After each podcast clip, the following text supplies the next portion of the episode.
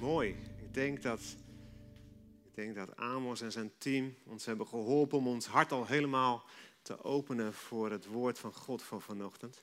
Dus ik ga daar niks aan toevoegen. Ik wil gewoon lekker met jullie naar de Bijbel. En je kunt op heel veel verschillende manieren preken. Over heel veel thema's, maar ook op heel veel verschillende manieren. En uh, dit wordt een Bijbelstudiepreek zoals je nog maar zelden hebt gehoord de laatste tijd. dus fasten your seatbelt. Ga er eens even goed voor zitten. Pak je Bijbel erbij. Ga je wel helpen met de beamer ook. Um, we gaan eens even diep in een tekst duiken. Maar ik hoop en ik verlang dat de boodschap van die tekst heel dicht bij ons allemaal gaat komen. Dus ik hoop je mee te nemen in een stukje Bijbelstudie, Bijbeluitleg. Met de bedoeling dat je hart weer helemaal vol wordt van Jezus. Dat is mijn verlangen.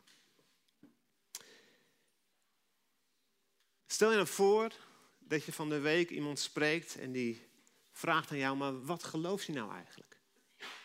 Kun je dat even in een paar zinnen duidelijk maken? Want ik heb geen idee eigenlijk wat, wat dat inhoudt, christelijk geloof. Bedenk eens bij jezelf, wat zou je dan, hoe zou je het nou samenvatten? Hoe zou je het nou woorden geven?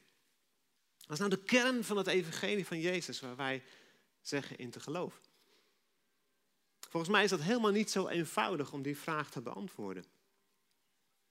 En de eerste christenen, die hadden daar slechts twee woorden voor nodig. Jezus Kurios in het Grieks. Wij hebben er drie voor nodig. Jezus is Heer. Jezus is Heer. Dat vat het volgens het Nieuwe Testament allemaal samen. Daar gaat het om.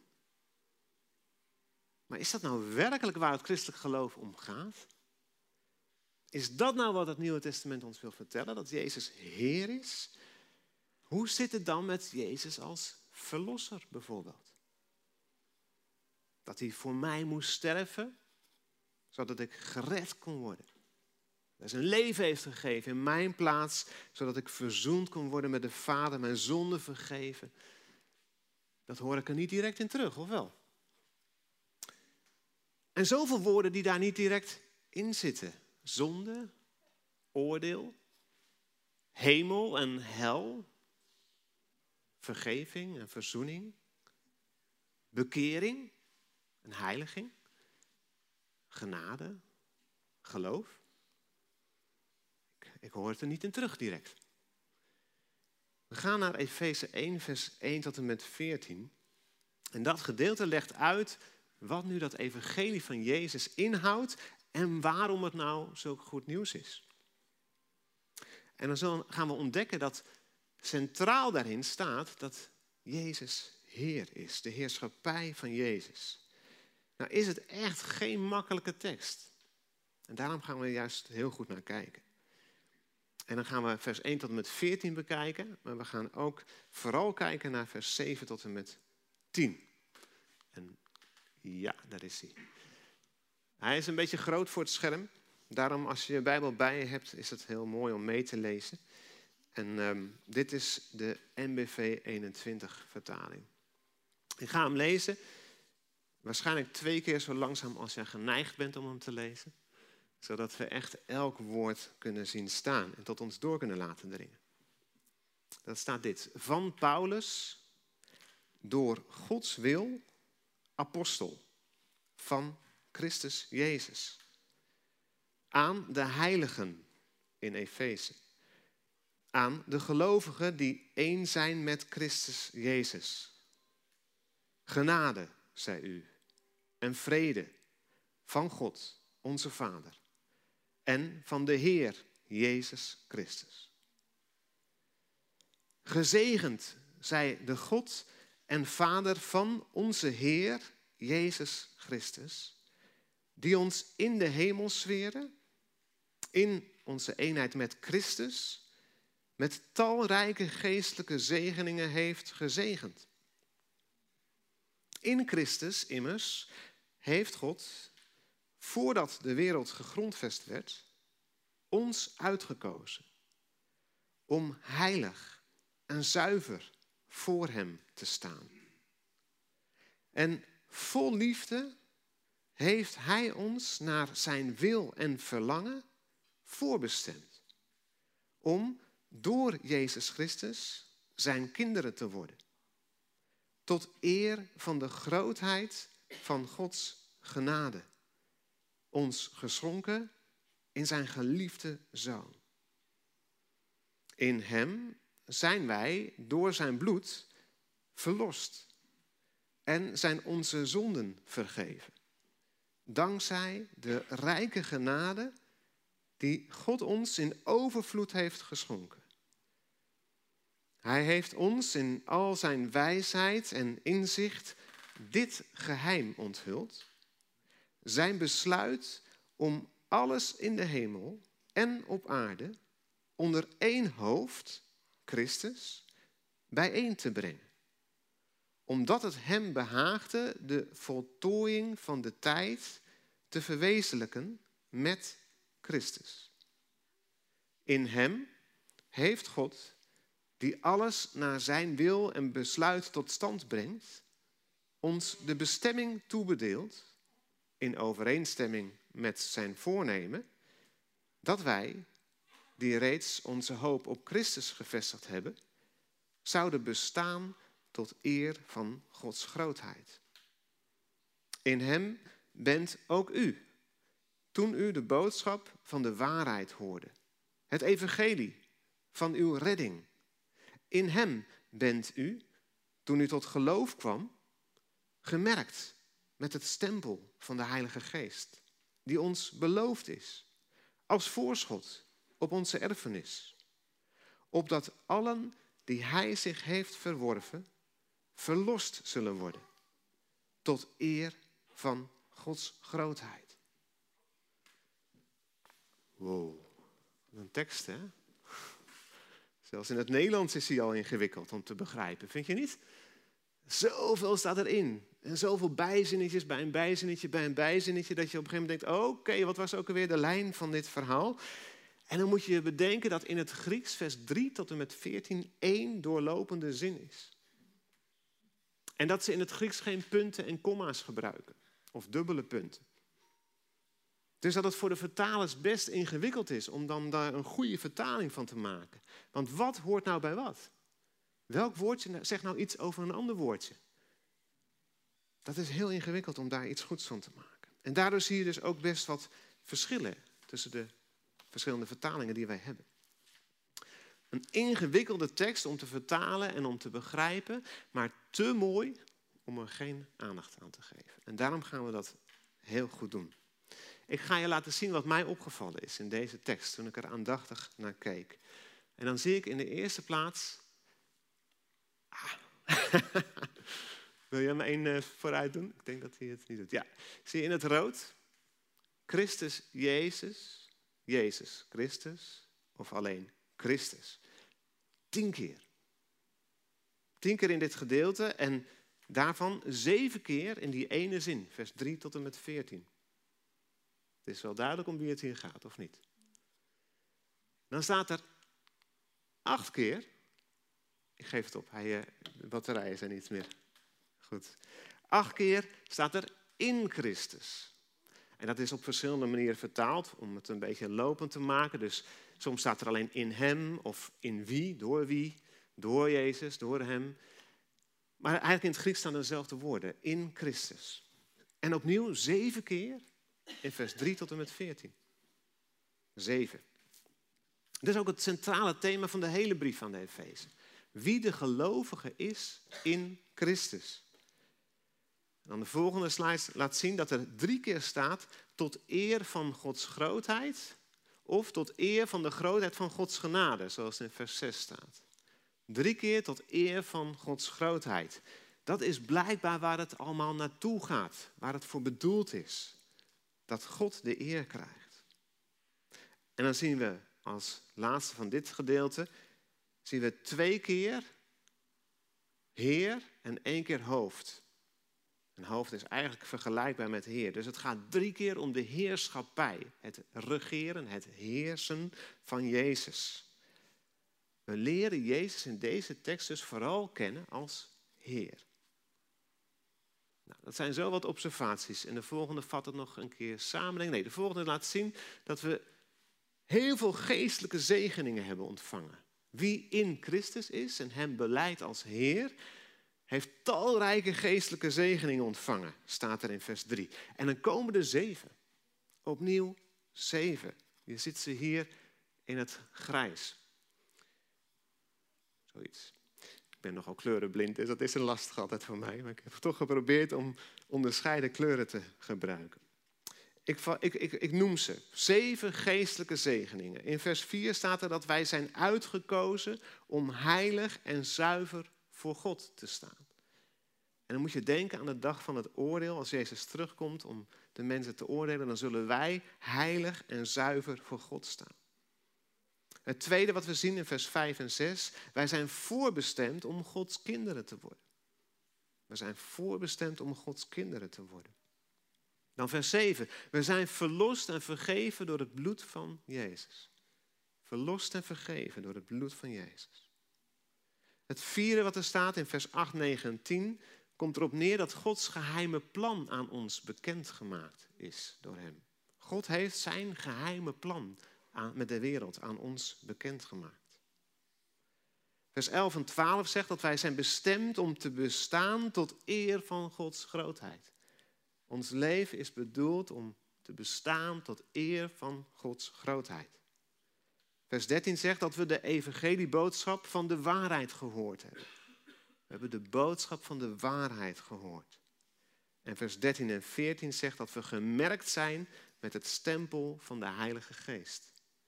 Als voorschot op de erfenis die we nog gaan ontvangen. We zijn gemerkt met het stempel van de Heilige Geest. Er gebeurt dus ongelooflijk veel in deze tekst. En de volgende slide vat het nog één keer samen. Tien keer Christus. Christus Jezus, Jezus Christus. Acht keer in Christus of in Hem. Drie keer tot eer van Gods grootheid. En drie keer gaat het over de heerschappij van Jezus. En daardoorheen ontdekken we zeven geestelijke zegeningen. Zeven keer Jezus Christus in die ene zin. Zeven keer in Christus en zeven geestelijke zegeningen in Hem. Niet voor niets drie keer zeven en twee keer drie. Het zijn symbolische getallen in de Bijbel. Dus heel veel, heel veel met, met beperkt aantal woorden en zinnen. En hiermee vat Paulus eigenlijk samen waar het allemaal om gaat. Waarom dat nieuws van Jezus zo goed is. En dan zie je dat in vers 7 wordt gesproken over verlossing en vergeving door het bloed van Jezus. En ik, ja, ik mag niet wedden geloof ik, maar ik durf er een wetje op te maken dat heel veel van jullie daaraan dachten toen ik zei van hoe ga je, wat ga je nou vertellen als iemand zegt wat geloof je eigenlijk? Dan zeg je misschien wel, ja, dat ik in de hemel kom omdat Jezus voor mij gestorven is. Wie dacht zoiets? Dat Jezus voor mij gestorven is? Nee? Ah, toch wel. Oh, oh, minder dan ik had gedaan. Nee, ik heb de weddenschap verloren, sorry. maar heel veel christenen, dat is het eerste wat uit hun mond komt, is, ja, Jezus is voor mij gestorven en daardoor ben ik verlost, gered. Uh, ga ik naar de hemel of ben ik um, een kind van de Vader geworden? Dat soort woorden. En dat staat er dus ook in. Dat is een belangrijk deel van wat we geloven. Maar het is niet het enige en het laatste. Het evangelie van Jezus omvat blijkbaar meer dan alleen mijn persoonlijke redding door de kruisdood van Jezus. En het, de beste samenvatting is eigenlijk, Jezus is Heer. Maar als nou Jezus is Heer meer zegt dan alleen dat ik gered ben, dat ik erbij mag horen als kind van God. Wat zegt het dan? Waarover gaat het dan? En dan gaan we naar dat middelste gedeelte van het versgedeelte wat we hebben gelezen, vers 7 tot en met 10. Eigenlijk is 8, 9 en 10 is de kern. Maar ik haal vers 7 even bij, omdat toch veel christenen daar vooral aan denken. Verlost door het bloed van Jezus. En dan geef ik mijn eigen vertaling op de volgende slide. Niet dat ik een expert ben in Nieuw Testamentisch Grieks. Het is voor mij ook een beetje zoeken. Dus ik neem een zeker risico. Maar als ik een aantal vertalingen bij elkaar leg... en ik leg het wel naast het Grieks wat ik wel een beetje kan uh, begrijpen...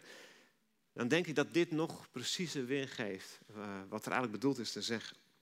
Het gaat over Jezus Christus, in wie wij de verlossing hebben door zijn bloed, namelijk de vergeving van de overtredingen. Dit is dankzij zijn rijke genade die hij ons overvloedig geschonken heeft. God heeft ons alle wijsheid en verstand gegeven en ons het geheimenis van zijn wil bekendgemaakt. Vers 8. En hier wijk ik af van de nieuwe Bijbelvertaling. Er zijn vertalingen die, die wijsheid en het verstand koppelen aan God. In zijn wijsheid heeft hij dit en dat gedaan. Ik geloof dat het meer bedoeld is dat wij hebben deel gekregen aan de wijsheid en het verstand van God. Dat hij ons gegeven heeft. En dat heeft hij gedaan om ons het geheimenis van zijn wil bekend te maken. Dat is overeenkomstig zijn welbehagen. Zijn eigen voornemen. Waarom? Met het oog op zijn plan voor de volheid van de tijden. Om alles in de hemel en alles op aarde onder één hoofd samen te brengen in Christus of in de Messias. Vers 7 zegt dus dat wij verlost zijn door de vergeving van onze zonden, door het bloed van Jezus. Het kruis is absoluut essentieel in het evangelie. Daar doen we niks van af. Maar het kruis is geen doel in zichzelf. Het kruis is een weg naar iets nog veel groters en iets veel mooiers. Wat is dat dan? God heeft een plan. God heeft een plan met de hele schepping om de hele schepping onder de heerschappij van Jezus te brengen. Dat zegt vers 10. En volgens dit gedeelte is dat de kern van ons geloof. Jezus is Heer. Hij heerst over alles. In de hemel en op de aarde. Nou, dat gaat misschien veel te snel. Dit is eigenlijk de conclusie van het hele verhaal. En ik ga hem uitpakken voor je. Kan je dat nou zeggen? Op basis van deze tekst? Klopt dat met wat we in de rest van de Bijbel lezen? Vers 8, ik noemde het al, zegt dat God wijsheid en verstand heeft gegeven aan wie in Jezus gelooft, wie in Christus is. Wijsheid en verstand. Daarmee wordt bedoeld, zijn echt twee, bewust twee verschillende woorden. En het ene zegt, je, je kunt het begrijpen. God heeft iets bekendgemaakt wat wij nu met ons verstand kunnen nagaan, wat we begrijpen, waar we inzicht in hebben gekregen. Maar het is niet alleen hoofdkennis. Het is ook iets wat de handen betreft. Het verstand zegt hoe je daarmee om kunt gaan. Verstand in het Griekse woordje. Je hebt verstandelijke wijze, je hebt een wijsheid gekregen die praktisch is. Als dit nu waar is, dan vraagt dat dit van ons en dan kun je daar ook naar leven. Dat wordt hier bedoeld. We hebben dat ontvangen om te begrijpen, te ontvangen, het geheimenis van Gods wil. Een moeilijke term ook, hè? God heeft ons bekendgemaakt het geheimenis van Gods wil. En dat wil zeggen dat God al voordat hij aan de schepping begon, een plan had daarmee. Anders zou hij er niet aan begonnen zijn. Het is niet zomaar dat hij alles heeft gemaakt. Hij heeft daar een plan mee, een goed plan mee. En dat heeft hij heel lang verborgen gehouden voor de mensen. Dat is dat geheimenis. Heel lang wisten mensen eigenlijk niet goed waar God nou precies op uit was. Misschien in het allereerste begin nog wel, Adam en Eva, maar heel snel uh, verdwijnt natuurlijk de kennis van God uit de wereld. mensen gaan hun eigen weg en ze raken verduisterd in hun verstand, zegt de Bijbel ergens. En dan zie je dat in het Oude Testament af en toe tipjes van de sluier worden opgelicht. Door de profeten met name. En die vertellen iets, die laten iets zien van het grote plan. En dan kom je bij Jezaja uit bijvoorbeeld en dan zie je dat prachtige vrederijk. Waar de leeuw en het lam samen in de wei liggen. Dat soort beelden. Dus ergens weet men dan van ja, het gaat naar een betere wereld toe. Het wordt helemaal anders. Maar het is wel heel, eigenlijk nog heel vaag. In zekere zin. Je ziet alleen maar de contouren. Maar de invulling daarvan, wanneer dat nou precies gaat gebeuren en hoe, daar, daar, daar zocht men naar, staat er. De profeten hebben gezocht om te weten wat wij nu weten in Christus. Het is voor een belangrijk deel verborgen gebleven. En pas toen Jezus Christus kwam, heeft God het verder geopenbaard. In hem en door hem. Maar alleen aan wie gelooft. Alleen wie in Christus is, kan het begrijpen, kan het zien. Die heeft dat wijze, die wijsheid en dat verstand van God ontvangen. En wat is nou dat grote plan? Dat wordt hier genoemd om alles in de hemel en alles op aarde onder één hoofd samen te brengen. Dus de hele geschapen werkelijkheid, in de hemel en op de aarde, alles, alles, alles wat God heeft gemaakt, dat valt onder het plan van God. Daar wil God iets mee doen. Het gaat dus niet alleen om mensen, als het gaat om het evangelie. Het gaat zeker niet alleen om kerkmensen. Of alleen evangelische of pinkstermensen. Gods plan is voor de hele wereld. De hele geschapen wereld. Hij claimt die hele schepping als zijn bezit. Want hij was ermee begonnen. Het is zijn idee geweest. En hij heeft daar een doel mee. En wat wil hij daarmee doen? Hij wil alles samenbrengen. Onder één hoofd. In het Grieks maar één woord. Onder één hoofd samenbrengen. Heel bijzonder woord. Heel bijzonder woord. De eerste plaats staat er dat hij verenigt wat gescheiden was tot dan toe. Daar waar verdeeldheid is gekomen tussen mensen. Scheiding en ruzie en oorlog en strijd en discriminatie en al die dingen heeft God niet bedoeld. En hij gaat herstellen, de ene die er oorspronkelijk was. En dat geldt vooral en in de eerste plaats voor die grote scheiding tussen Jood en niet-Jood. En dat wordt in de Efezebrief heel duidelijk uitgewerkt. Want dat was er aan de orde. Er kwamen mensen tot geloof in Jezus die uit het Joodse volk kwamen en die uit niet-Joodse volkeren kwamen. En ineens vormden zij samen een gemeente van Jezus. En werden ze allebei deel van het volk van God. Op gelijke voorwaarden. De een was niet meer beter of meer dan de ander. De een kreeg geen andere behandeling meer. Er waren geen andere regels om erbij te kunnen horen. Het enige wat nodig was, was geloof in Jezus. Wow, dat was ingewikkeld voor mensen met een Joodse achtergrond. Hoe kan dat nou? Maar wij zijn toch het volk van het verbond? We hebben toch de besnijdenis en de Torah en de Sabbat en de voedselwetten en de reinheidswetten enzovoort enzovoort. En die, die niet-Joden hoeven zich daar niet meer aan te houden en ze mogen toch deel worden van het volk van God. En hoe doe je dat dan praktisch in, in één gemeente?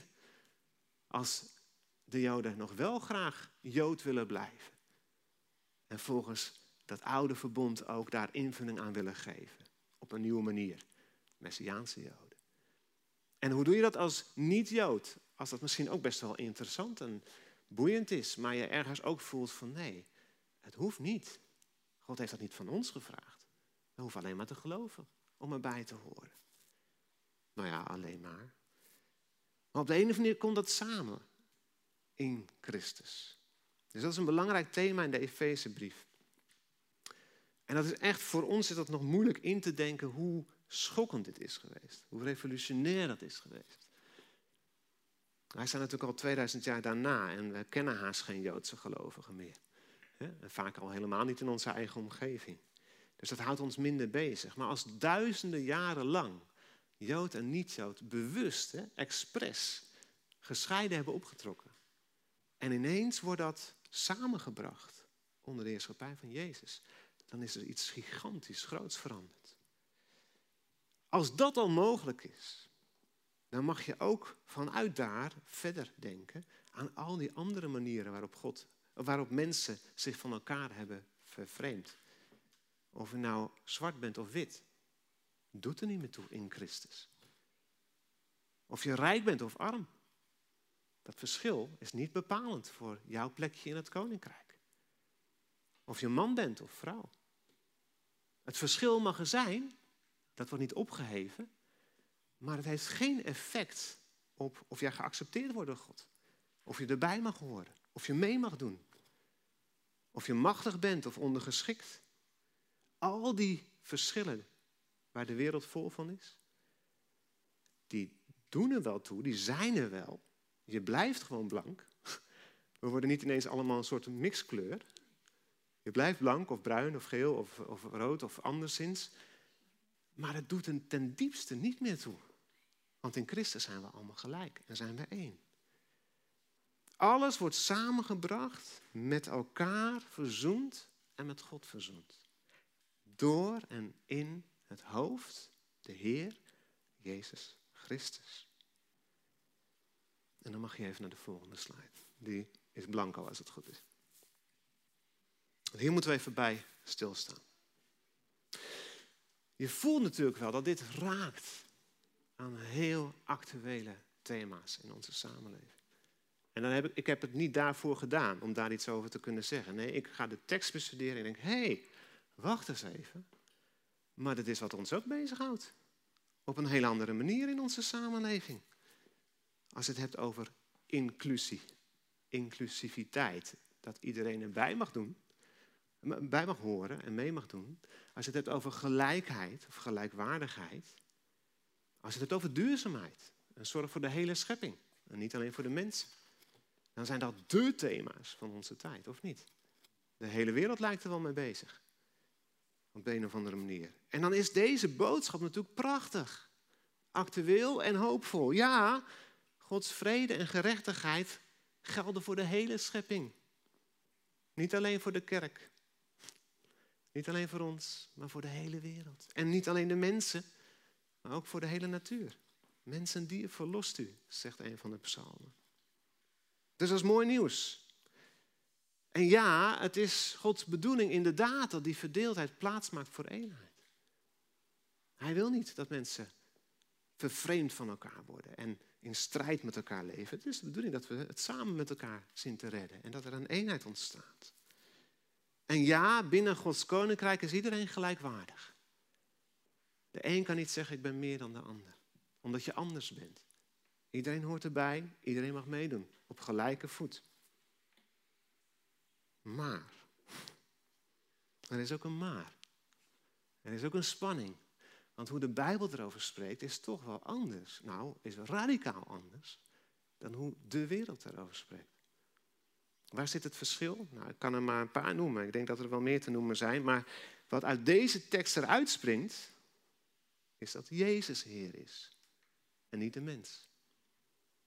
Dus de mens heeft het niet voor het zeggen, maar God. Wij bewerken niet die eenheid, dat is het tweede. Het kan alleen in en door Christus. Niet buiten Hem om. En ja, het koninkrijk is voor iedereen, maar niet iedereen is automatisch deel van het koninkrijk. Er is maar één manier om erbij te kunnen horen, erbij te komen, en dat is in Christus. Door Christus. Namelijk, vers 7, door de verlossing van het bloed. Alleen als jij weet en gelooft en erkent dat je een redder nodig hebt, dat er zonden staan tussen jou en God, dan accepteer dat Jezus voor jou gestorven is, dat zijn bloed dat heeft opgeheven, jou verzoend, en alleen dan ben je in Christus. En alleen wie in Christus is, is in het koninkrijk. Alleen als je in Christus bent, wordt Jezus Heer over jouw leven. Bewust ga je alles aan Hem onderwerpen. En ook het hele leven aan Hem onderwerpen. Dus daar zit de spanning met wat er in deze tijd gaande is. Er is heel veel wat we kunnen omarmen. Goede idealen. Natuurlijk, niemand van ons is voor discriminatie, of wel? Is er iemand voor discriminatie? Ik niet. Ik sluit het liefst iedereen in mijn armen. Natuurlijk ben ik voor gelijkheid. Natuurlijk wil ik zorg dragen voor de hele schepping. Maar niet op mijn voorwaarden. Alleen als Jezus het voor het zeggen heeft. En daar zit het verschil. Als ik mag ik het even heel moeilijk zeggen, voor sommige mensen heel moeilijk. De inclusiviteit van mensen, waar we het over hebben, dat iedereen erbij hoort, gaat via de exclusiviteit van Christus. De inclusiviteit van mensen gaat via de exclusiviteit van Christus. Wat bedoel ik daarmee? Iedereen mag erbij horen. Iedereen kan erbij horen. Iedereen is gelijk. Maar alleen als je Jezus als Heer aanvaardt en jouw Verlosser. Dat is een ingewikkelde in deze tijd. Maar dat is wat deze tekst zegt. Uiteindelijk zal God alles plaatsen onder de heerschappij van Jezus. En alleen als en wanneer dat gebeurt, zal die gelijkheid en die eenheid werkelijkheid worden. Dan vat ik het nog even heel kort samen wat we tot nu toe hebben gezien. Efeze 1 tot en met 4, vers 1 tot en met 14 laat zien hoe groot en goed het nieuws van Jezus is. Hoe revolutionair ook. Hij is in onze plaats gestorven, zodat wij verlost kunnen worden met de Vader en zodat we verzoend kunnen worden, ook verzoend met de Vader en ook verzoend met elkaar. En in Christus hebben we talrijke geestelijke zegeningen ontvangen, op zijn minst zeven. En één daarvan is dat Hij ons inzicht heeft gegeven in dat grote plan dat God met de wereld heeft. Namelijk om alles onder de heerschappij van Jezus te brengen en te verenigen. Nou, dan rest me nog maar een paar minuten, zie ik. en terwijl dat zoveel vragen oproept, of niet? Een vraag die je mogelijk hebt is, maar wanneer dan? Zegt de tekst ook iets over het wanneer? Is het nou zo dat, dat nu de samenleving daar zo mee bezig is, en dat ook als idealen omarmt, dat we al bezig zijn om het koninkrijk van God te zien komen? Zijn er die dat zo zien. Of ligt het anders? Wat zegt deze tekst over de timing? Er staat in vers 10 dat Gods plan betrekking heeft op de volheid van de tijd. Helpt ons dat verder? Wat wordt nou bedoeld met volheid van de tijd? In de MBV voltooiing van de geschiedenis. Is dat nou hetzelfde als de eindtijd? Het einde der tijden? Of het einde van het einde van het einde? Nee. Ja, ja en nee. Ja, deze wereld gaat naar een climax toe. En er komt een moment dat je zegt, het wordt allemaal voltooid. De geschiedenis wordt voltooid. En dan heb je het inderdaad over de voltooiing van de tijd, waar de Bijbel over spreekt, de eindtijd. En dat is het moment dat Jezus terugkomt om orde op zaken te stellen en af te maken waar hij mee begon. Maar datzelfde woordje, volheid van de tijd, wordt ook gebruikt in de Bijbel bij zijn eerste komst. Hebreeën 9, vers 26. Christus heeft zich geopenbaard bij de voltooiing van de tijden.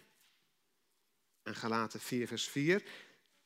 God zond zijn zoon toen de volheid van de tijd gekomen was. Dus al bij de eerste komst van Jezus, babytje, kribbe, weet je, stal, toen al was het de volheid van de tijd. En niet alleen aan het einde, als Jezus terugkomt. Dus daaruit leid ik af dat deze uitdrukking niet zegt wanneer precies. Je moet het eigenlijk zo lezen, denk ik, dat het precies het goede moment was. De volheid van de tijd is het moment waarop het moest gebeuren en zou gebeuren. Het moment dat God van tevoren al bepaald heeft. En dat gold voor de eerste komst van Jezus. God had daar naartoe gewerkt met het Joodse volk, met de profeten, maar ook met de volkeren. De tijd was rijp. Dit was het moment. Jezus moest komen en zou komen en ging komen. Hij is gekomen. En er is iets gigantisch gebeurd op Golgotha en bij het lege graf. En zo zal het ook zijn bij de wederkomst. God heeft een tijd bepaald en dan zal het gebeuren. En hij werkt daar naartoe. Hij maakt de wereld klaar, hij maakt de gemeente klaar voor de wederkomst van Jezus. En dat zal gebeuren bij de volheid van de tijd. Het juiste moment, het moment door God bepaald. Maar wanneer, dat zegt deze uitdrukking niet en dat zegt deze tekst niet. Wat wel duidelijk wordt, is dat Jezus niet pas Heer is als Hij terugkomt. Dan zal elke knie zich buigen en elke tong beleiden, maar Hij is al Heer vanaf het begin. En dat staat in dezelfde tekstgedeelte, Efeze 1, namelijk vers 22 en 23. Hij, God, heeft alles aan zijn voeten gelegd. Zijn kan Christus zijn, kan God zijn. Dus hij heeft alles aan zijn voeten gelegd en hem, Christus, als hoofd over alles aangesteld. Ten behoeve van de kerk, die zijn lichaam is. Vervuld met de volheid van hem die alles in alle vervult. Het tweede gedeelte moet ik even laten liggen, maar dat eerste gedeelte staat voltooid tegenwoordige tijd. Hij heeft dit al gedaan. Hij heeft alles al onder de heerschappij van Jezus geplaatst. Zoals Jezus zelf beleidt in Matthäus 28, mij is gegeven alle macht in de hemel en op de aarde. Ga dan heen. Dat is niet pas wanneer hij terugkomt. Dat is nu al. Jezus is Heer.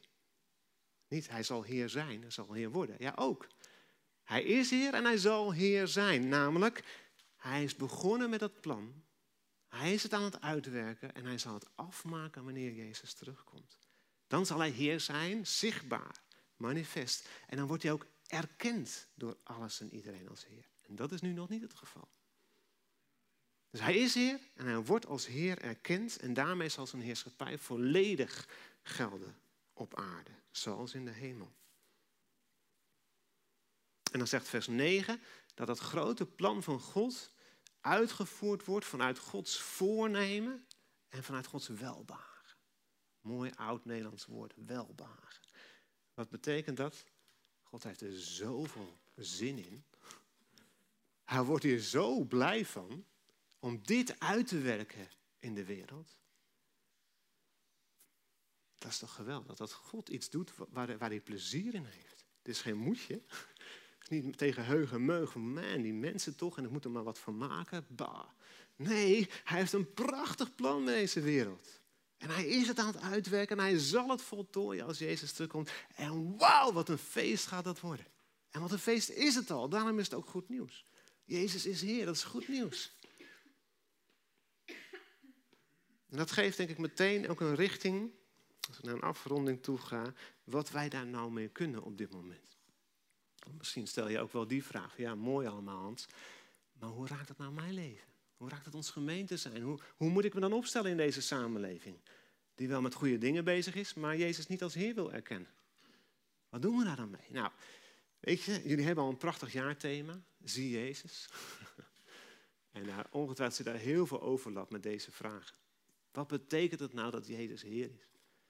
Ga daar nog eens even goed over nadenken. Ga de Bijbel daar nog eens goed op naslaan. Ga daar met elkaar over in gesprek. Werk het uit. Maak het praktisch. Maak het concreet. Dat kan ik hier allemaal niet meer doen. En dat zou ook wel heel veel preken vergen, vrees ik, om het goed te doen. Maar één ding kun je nu al wel doen. Je met God verheugen in het feit dat Jezus Heer is. En dat is wat de tekst zegt. In, op drie plekken staat er dat dit alles is tot eer van Gods grootheid. Vers 6, vers 12 en vers 14. God wordt groot gemaakt door dit geweldige plan met de hele schepping.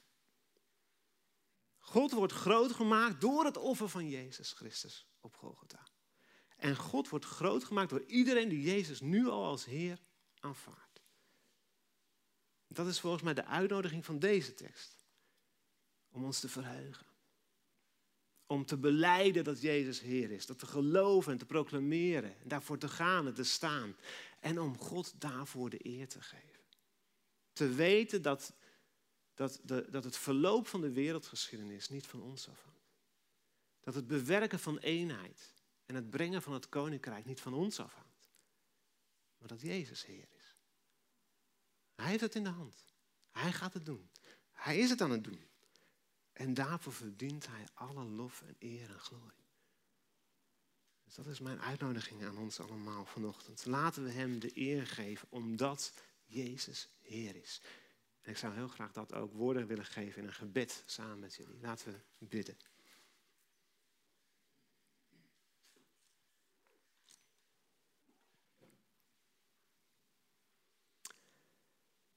Jezus, u bent Heer. Dat beleiden wij, dat geloven wij, dat beamen wij. Wat deze tekst zegt in Efeze 1, Vader, dat willen we omarmen. Dat Jezus Heer is en dat het goed gaat komen met deze wereld. Dat u een geweldig plan heeft met de hele schepping, mensen en dieren en planten, binnen en buiten de kerk. U houdt van alle mensen, u houdt van deze schepping. En ik wil u danken dat u Jezus gegeven heeft en dat Hij de hoogste prijs betaald heeft om deze wereld tot een goed einde te brengen. Dat er meer is dan alleen mijn persoonlijke relatie met u en mijn eigen verlossing. Maar dat uw hart uitgaat naar de, naar de hele schepping. Dank u wel daarvoor. Ik dank u dat in het koninkrijk van God iedereen erbij hoort. Dat iedereen gelijk is. En dat verschillen tussen ons geen scheiding meer hoeven te brengen. Heer, en ik bid om genade, want we voelen ook de spanning die dat oproept in deze tijd. Waar mensen dat wel willen horen, maar niet willen horen. Dat, dat vraagt om je te bekeren. Om Jezus als Heer te erkennen en dat op zijn voorwaarden te doen. Vader, wilt u ons leren omgaan met dat spanningsveld? In ons eigen leven, als we worstelen ook met vragen rondom inclusiviteit, gelijkheid, duurzaamheid. Ja, als we misschien wel twijfel in ons hart hebben over wie we precies zijn en hoe we in elkaar zitten en of we er wel bij mogen horen bij u. Of u ons wel aanvaard heeft. Heer, voor wie worstelt met dat soort vragen over zichzelf, eh, zijn of haar plek in deze samenleving en in de kerk, bidden we om genade, Heer. Echte genade, reddende genade, die verlost en bevrijdt, die ons helpt om te leven onder de heerschappij van Jezus. Kom, Geest van God, waai over ons, Heer. Als we soms gewoon geen antwoorden meer hebben op die moeilijke vragen van deze tijd. We hebben wijsheid en inzicht nodig, Heer. Om niet alleen te snappen waar het om gaat, maar ook om het uit te leven. Om erover te vertellen aan onze niet-christelijke bekenden. We hebben u nodig in ons midden. Wees Heer over ons. Over ons eigen leven en over deze gemeente. Maar wees ook Heer over ons land, Heer. Heer over deze wereld. Vestig uw heerschappij. Laat uw wil doen gelden, Heer. En breng deze wereld tot een goed einde. Dat bidden we u in de verwachting dat Jezus terugkomt om het allemaal recht te zetten. We beleiden u, we eren u en we aanbidden u om wie u bent. En we zien uit naar uw komst, Jezus. Glorie voor uw heilige naam. Amen.